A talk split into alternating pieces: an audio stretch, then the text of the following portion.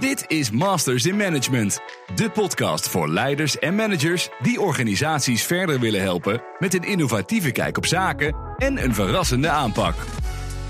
Deze podcast wordt je aangeboden door Skillstown, de online opleider voor professionals. Welkom bij deze podcast over managen in de hybride wereld. Mijn naam is Peter van der Hout, programmamanager content bij Skillstown. En bij mij achter de podcastmicrofoon zit mijn collega Danny van Hees. Welkom Danny. Uh, dankjewel Peter. Ja, Danny, je hebt een aantal sessies gegeven uh, over dit onderwerp, managen in de nieuwe hybride wereld. Ja.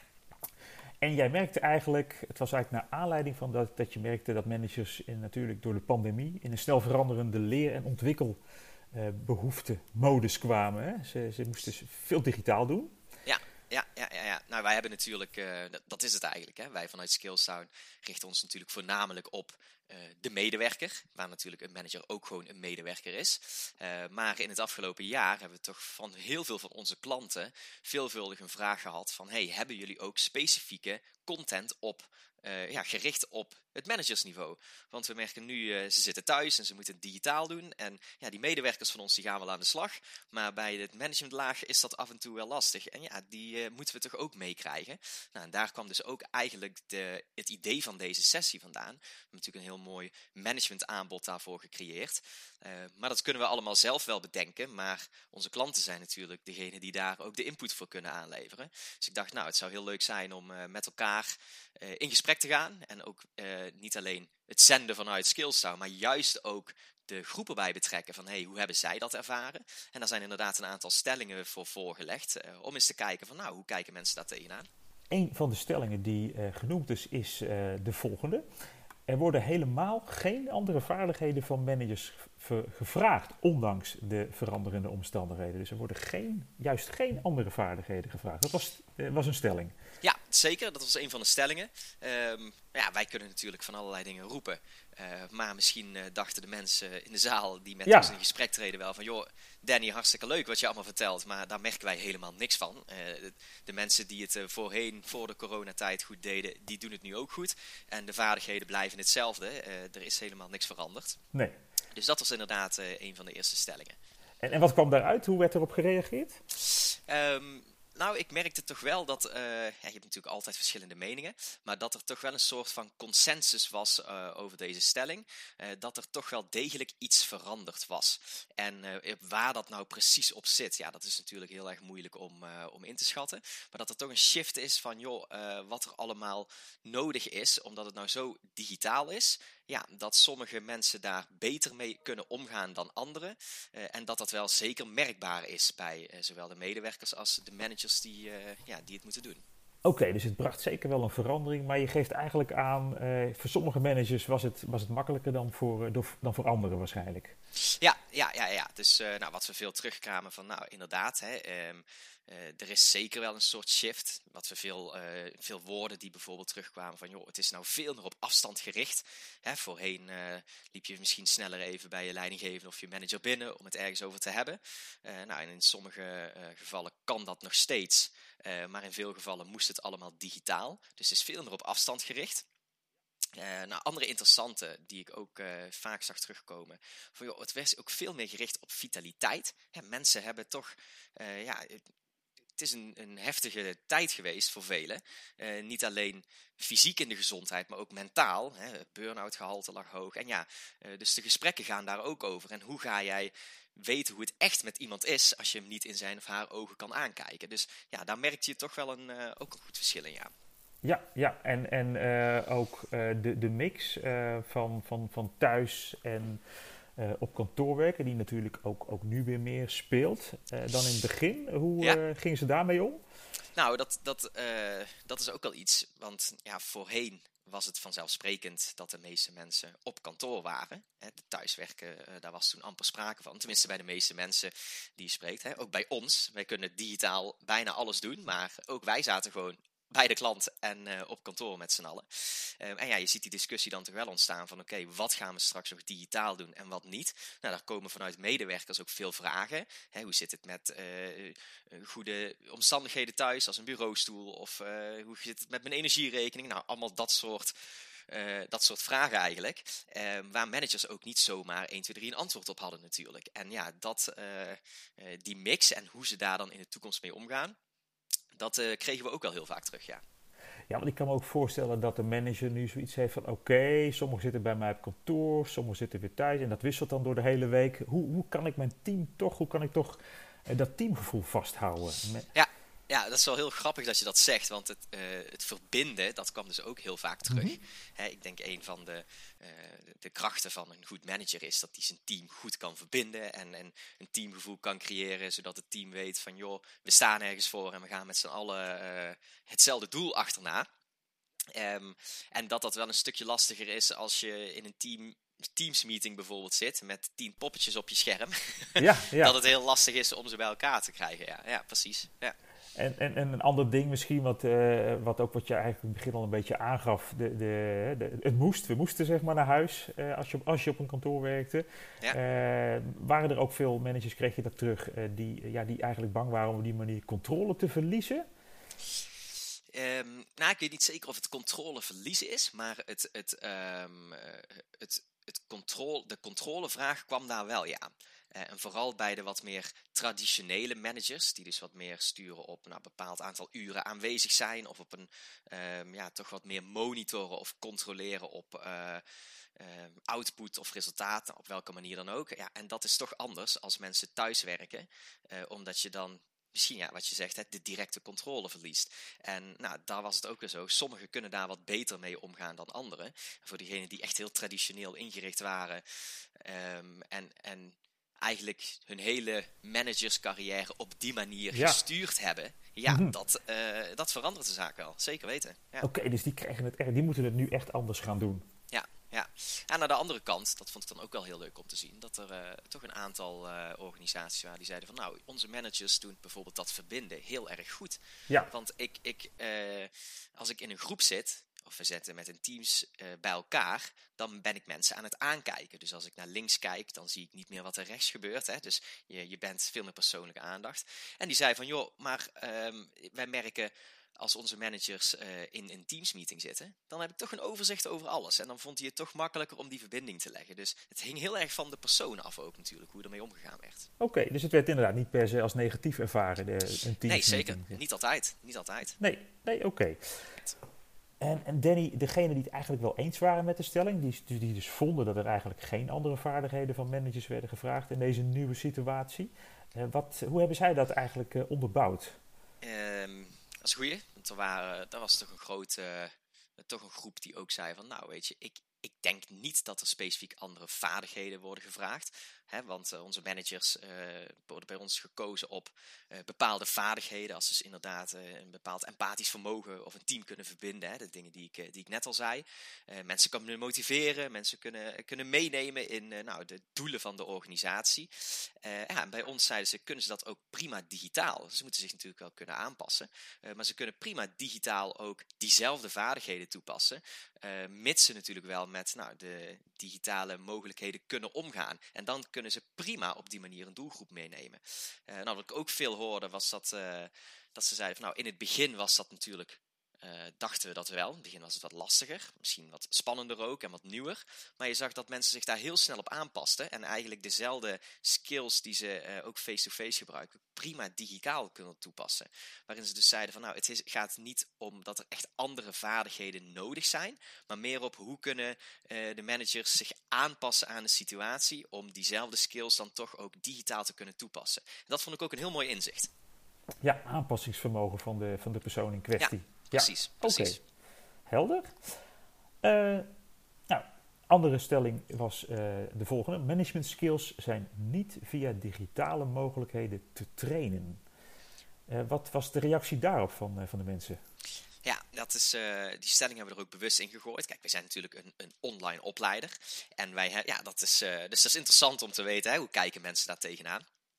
En um, we hebben natuurlijk ook een heel online managementprogramma gemaakt. En waar je toch van een wat traditionelere kijk ziet dat uh, managers toch vaak um, ja, op een soort high-sessie gaan en bij elkaar komen. En uh, uh, heel traditioneel, om het zo even over een kam te scheren, hè, een, een, een tweedaagse volgen met een, een lunch en een diner erbij. En helemaal verpakt ja. natuurlijk. Hè, wat wat er natuurlijk ook een, helemaal niks mis mee is. Um, dus op die manier dachten we, nou, we zetten hem eens neer van, hey, is dat wel digitaal te trainen? Is het überhaupt al mogelijk om die vaardigheden op te doen? En um, daar kwamen eigenlijk heel veel interessante discussies uit. En niet eens over de stelling zelf. Want oh. waar mensen, ja, dat is natuurlijk interessant, waar mensen eerst dan over gaan van, ja, maar wat zijn managementvaardigheden dan eigenlijk? Juist, uh, ja. Waarop wij die, die de stelling natuurlijk hadden neergezet, uh, dat ook een beetje bewust zo hadden gedaan. En de vraag terugkaatsen van, nou, zeggen jullie het maar, wat verstaan jullie daaronder? Ja, en dan kreeg je natuurlijk een hele uh, interessante discussie. Gaat het dan juist om de hard skills? Gaat het veel meer om de soft skills? Uh, nou, wat zijn uh, managementvaardigheden? En kun je die wel op die manier definiëren? En dat, uh, ja, dat vond ik al een hele interessante, want dat is voor ons natuurlijk ook super relevant over hoe we zo'n training gaan opzetten en wat dan wel of niet digitaal zou kunnen zijn. Ja, dus eigenlijk moet je ook wel zowel de hard als de soft kant wel meenemen. Omdat het beide kanten, die kwamen wel terug. De een was, of de combinatie van die twee in ieder geval. Ja. Ze kunnen niet uh, voor één kant uh, kiezen. Nee, nee, precies. En is het niet ook zo dat skills, ja, dat het ook wel om gedrag gaat van, van managers? Ja, het, ja, ongetwijfeld. Ik denk dat dat, dat ook vaak terugkwam. In de discussie was van ja, gaat het niet inderdaad veel meer om het gedrag en hoe passen we het toe dan specifiek uh, het aanleren van bepaalde vaardigheden. Gaat het niet veel meer om wat we er nou mee doen in de praktijk.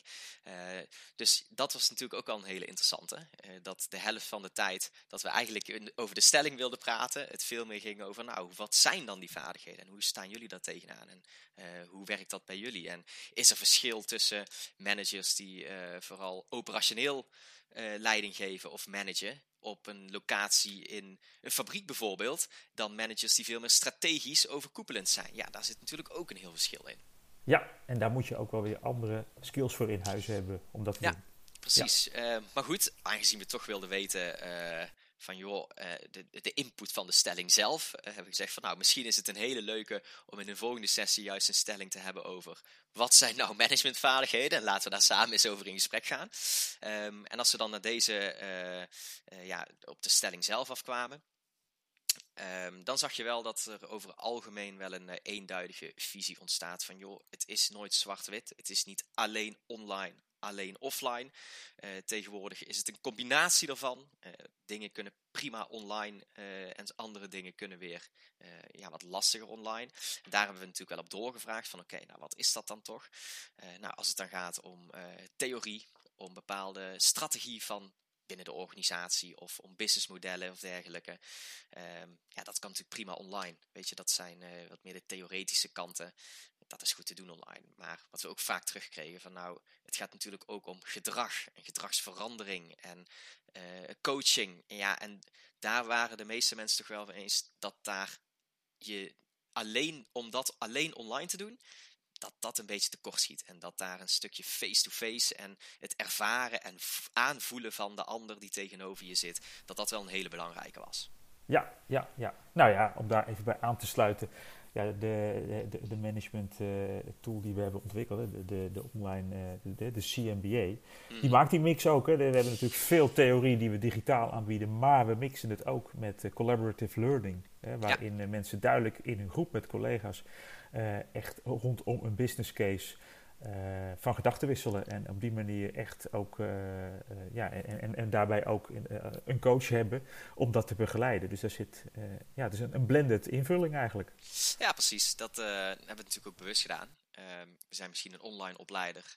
Maar ik zeg altijd, wij zijn ook de laatste die zegt dat alles online kan. Hè, daar geloven wij natuurlijk ook niet in. Het heeft zijn voor- en zijn nadelen, zijn ja. krachten en zijn beperkingen. Um, en ik denk juist ook dat dat samen uh, leren en leren van elkaar en leren op de werkvloer terwijl je bezig bent, dat dat natuurlijk een, uh, een enorm krachtig element is. Uh, maar als ik iets van de, van de stelling meeneem, wat overal wel hetzelfde was, en, en ik denk dat ook wel een beweging is die blijvend is, is dat mensen niet meer online of offline dachten. En die discussie hadden we voor de coronatijd natuurlijk wel. Hè, dat mensen denken of iets is online of iets is offline. Maar dat ze nou steeds vaker uh, ja, dat we steeds vaker terugkregen van uh, het is niet zwart-wit. We hebben online en offline en dat is altijd een mix en altijd een blend in elkaar. En uh, ja, zo zouden we naar voren moeten bewegen. Dus dat was wel een hele interessante.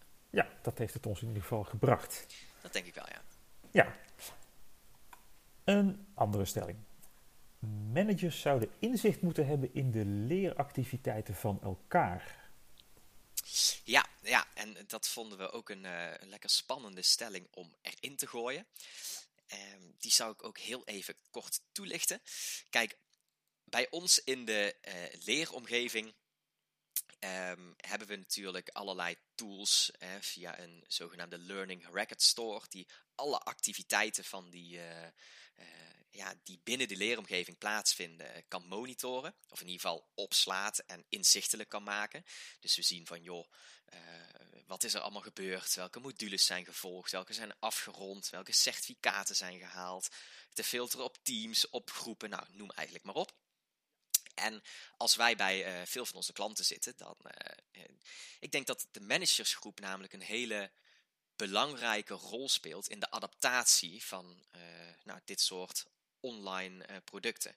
Hè, dus de, de, managers en uh, de leidinggevenden moeten uitdragen hoe belangrijk het is. Moeten dat, dat uitdragen over de organisatie. Dus die hebben een heel belangrijke rol, uh, zodat mensen het ook daadwerkelijk gaan doen. Dus vaak gaan wij bij de klant ook een presentatie houden of in een MT in gesprek van, nou kijk eens wat er allemaal is en wat je ermee zou kunnen. En we krijgen vrijwel altijd dezelfde vraag. Kunnen wij dan, als manager zijnde, van ons team zien wat er allemaal gebeurt. Dus kan ik van mijn eigen medewerkers zien uh, wat ze hebben gedaan en of ze bijvoorbeeld die privacycursus wel gevolgd hebben. Dus dat krijgen we vrijwel altijd. Maar we krijgen eigenlijk nooit te horen van oké, okay, kunnen we dat dan ook van elkaar zien? Dus kan ik als manager uh, ook jou, die in dezelfde rol zit, maar misschien in een andere afdeling, kan ik ook zien van jou van hé, hey, wat gebeurt er nou eigenlijk? En uh, daar was ik wel heel benieuwd naar hoe mensen daar tegenaan keken. Ja, van nou, uh, wat zou dat dan betekenen als je ook inzicht hebt in de activiteit van je directe collega's en wat doe je daar dan ook mee? Ja, en wat vonden ze daarvan? Vonden ze dit een, een, een, eh, een mooi uitzicht, uh, vooruitzicht om dit te, te kunnen of, of niet? um, het, dat hing heel erg af van de, de, mensen met wie we in gesprek waren. Um, ja, en, en ik denk dat het ook vooral te maken had met uh, de cultuur die binnen de organisatie uh, ja, al plaatsvond. En wat voor leercultuur er was en hoe open of gesloten het was. Um, dus um, nou, daar, kwamen, daar kwamen veel interessante ideeën uit. We kregen ook vaak te horen, ja, dat zou wel eens interessant zijn. Zou wel eens goed zijn voor ons ook. Om gewoon eens te kijken van, hé, hey, wat gebeurt er allemaal? En wat doen we allemaal binnen die leeromgeving? Um, maar de vraag die zich, of eigenlijk de discussie die vooral op gang kwam van oké, maar, maar wat is het doel daarvan? Kijk, en dat vind ik wel een hele interessante. Speci specifiek alleen zien van joh, wat gebeurt er allemaal en zijn we wel aan het leren en niet? Uh, dat is natuurlijk geen doel. Dus wat doen we er dan mee en waar gaat het om? En dat was natuurlijk, uh, denk ik, de meest interessante inzicht wat eruit kwam. Van oké, ja, dat is hartstikke leuk dat we dat dan zouden kunnen zien. maar doen we er ook daadwerkelijk iets mee? Gaan we erop sturen? En wat voor uh, mogelijke beperkingen levert dat op? En wat voor. Uh, ja, het is toch een relatief eng iets, denk ik. Mensen vinden dit eng, ja. hè? Als jij in je eentje of thuis of op individuele basis allerlei cursussen volgt, uh, dat mensen ook kunnen zien en je directe collega's ook kunnen zien wat daar dan gebeurt. Ja, wat jij dan hebt gedaan. En, uh, dus ik kan me wel goed voorstellen dat ze zeggen, ja, het gaat er vooral ook om met, met wat, wat we dan daarmee, wat het doel ervan is. Het gaat niet om het controleren aan zich, zeg maar.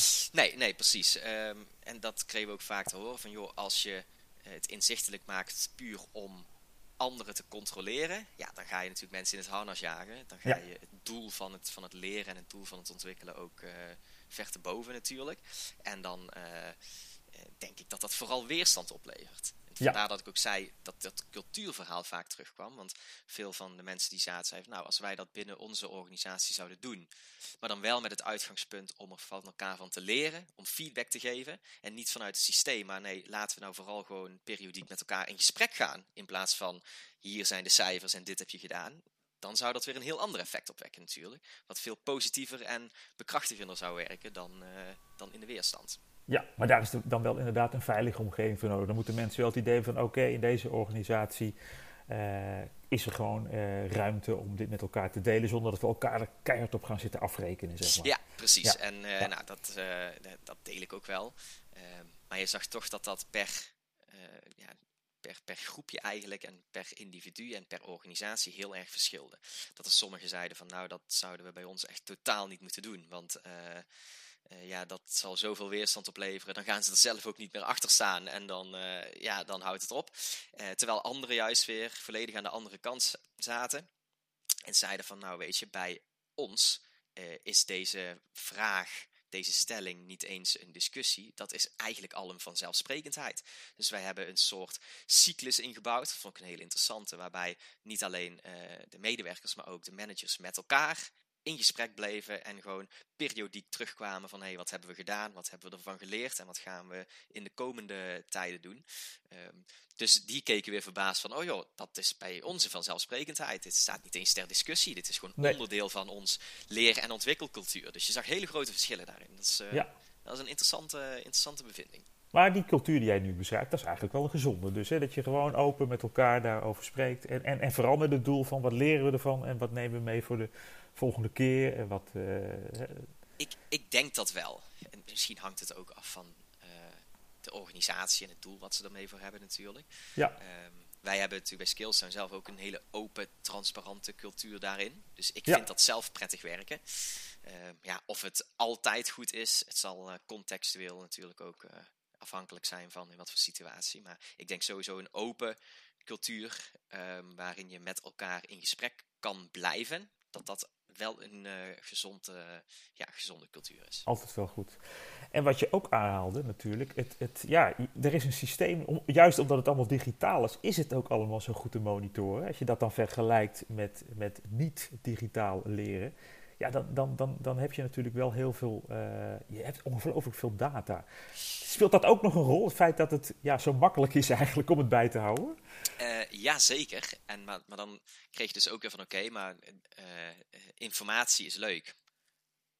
of data is leuk, hè, maar we kunnen er pas iets mee doen als het ook daadwerkelijk nuttig is. Dus wat haal je eruit? Maar de andere kant van de discussie, die leverde, van de medaille, die leverde eigenlijk veel interessantere discussie op. Van oké, maar um, als onze managers face-to-face -face met elkaar in gesprek gaan of van een traject iets geleerd hebben, uh, dat is dan niet meetbaar in het systeem. Dus hoe ga je dan ook activiteit meten die zich op een informele basis hebben opgedaan? Dus als ik met een team, uh, met mijn team ergens aan werk en uh, dat is goed of slecht gegaan en we bespreken dat met elkaar en geven daar de feedback op, ja, dat wordt natuurlijk nergens vastgelegd, maar is een enorm belangrijk leerproces. Ja, en ja, dat is natuurlijk ook een interessante. Dat wordt niet vastgelegd, tenminste niet niet standaard vastgelegd vanuit een systeem. Dus kun je dat ook meetbaar maken? Moeten we dat meetbaar maken? Uh, dus dat was ook nog wel een heel, heel interessant inzicht, ja. Ja, dus je moet je wat dat betreft ook niet blind staren op wat je hier meet. Dit is ook maar een deel van het geheel natuurlijk. Hè? Precies. Dat is ook wel weer eerlijk. Ja. Precies, ja. precies. En dan uh, krijg je weer de vraag van, nou, het zou wel interessant zijn juist om te kijken hoe we dat toch ergens uh, inzichtelijk kunnen maken en, en wat daarmee gebeurt en wat we daarvan leren. Uh, maar ja, hoe dat te doen is, is natuurlijk weer een, een heel andere, een andere stelling. een andere precies, discussie. andere discussie. Ja, precies. Um, ook een andere stelling. Um, het is vooral een generatiekloof. Over het algemeen is de jongere generatie een betere manager in een digitale wereld, in een digitale context. Dat was ook een stelling, ja. Zeker, dat is ook een van de stellingen. Dat is ook een spannende stelling natuurlijk. Ja. Uh, dat was natuurlijk ook het doel, hè? een stellingen creëren waar mensen een mening over hebben en met elkaar over in gesprek gaan. En um, aanvankelijk, en dat is misschien wel interessant, bij de meeste groepen zag je toch een, het beginnend van een soort uh, sociaal acceptabel antwoord.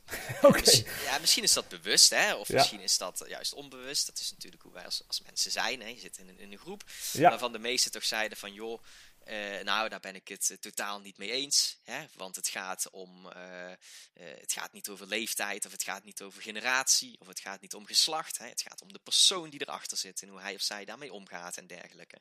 en daar waren de meeste mensen het wel mee eens. Maar je zag in elk groepje daarna toch ook wel een soort vraag ontstaan of discussie ontstaan van oké, maar het gaat om de digitale wereld. En ehm, ja, dat het een soort randvoorwaarde is dat je natuurlijk wel uh, digitaal vaardig moet zijn. Dat je okay. moet weten hoe je systemen werken. Wil je ja. er überhaupt mee kunnen werken natuurlijk. Ja. Wil je daar ja. je, je gesprekken mee kunnen voeren en, en wil je daar... Nou, en dan waren er toch best wel een aantal mensen die toch zeiden van... joh, ik denk dat uh, uh, de jonge generatie, als dat een randvoorwaarde is dat ze dus met, uh, met technologie kunnen omgaan, dat ze misschien wel een voorsprong hebben op de wat oudere generatie. Ze zijn opgegroeid met technologie, ehm, misschien wat meer gewend om snellere veranderingen in het leven te hebben, omdat die, die technologische ontwikkeling natuurlijk steeds sneller gaat. Um, nou, en misschien kunnen ze zich dan wat, A, wat meer aanpassen en zijn ze wat meer gewend om met uh, digitale middelen om te gaan. Dus ja, misschien hebben ze wel een voorsprong. Nou, dat leverde natuurlijk wel interessante gesprekken op. Ja, precies, voorsprong wellicht. Zijn er ook punten juist ook waarop de jonge generatie eigenlijk uh, ja, in, in, de, in, in die digitale wereld misschien weer een achterstand heeft? Uh, ongetwijfeld, hè? Alles, uh, alle voor's uh, hebben zijn tegens. Ja. Um, er waren trouwens overigens ook genoeg mensen die zeiden van nou, als we binnen onze organisatie kijken, dan zijn er een heleboel mensen van de wat oudere generatie die het supergoed doen en die ook de technologie eigen hebben gemaakt. Hè? Dus weer, dat is niet zo zwart-wit.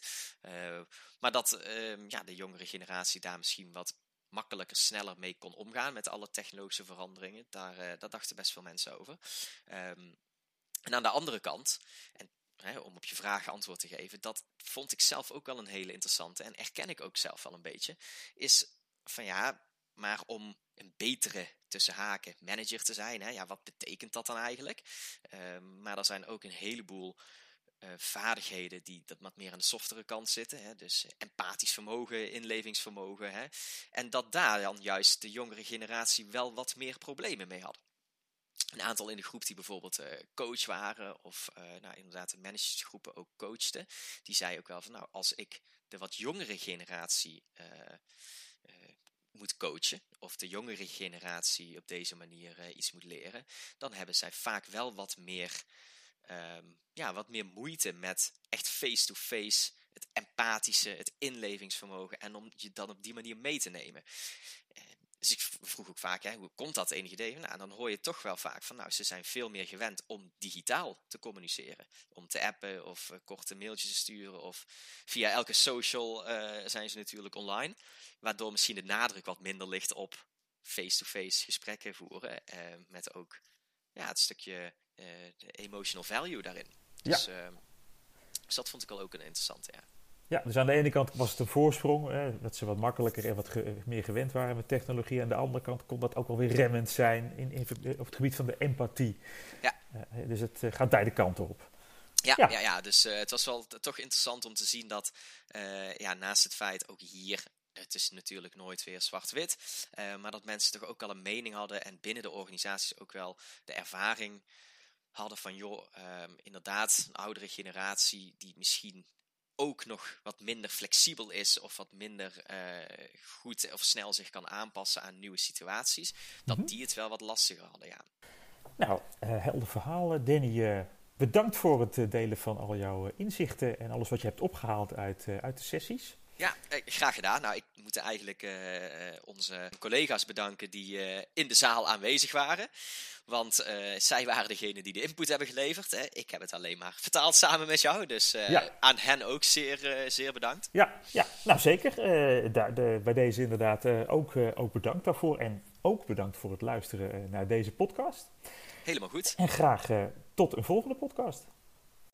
Bij Skillstown geloven we dat professionele ontwikkeling voor iedereen betaalbaar en beschikbaar moet zijn. Daarom hebben we een compleet corporate MBA-programma ontwikkeld dat iedere professional online kan volgen. Kijk voor meer informatie op www.skillstown.com/cmba.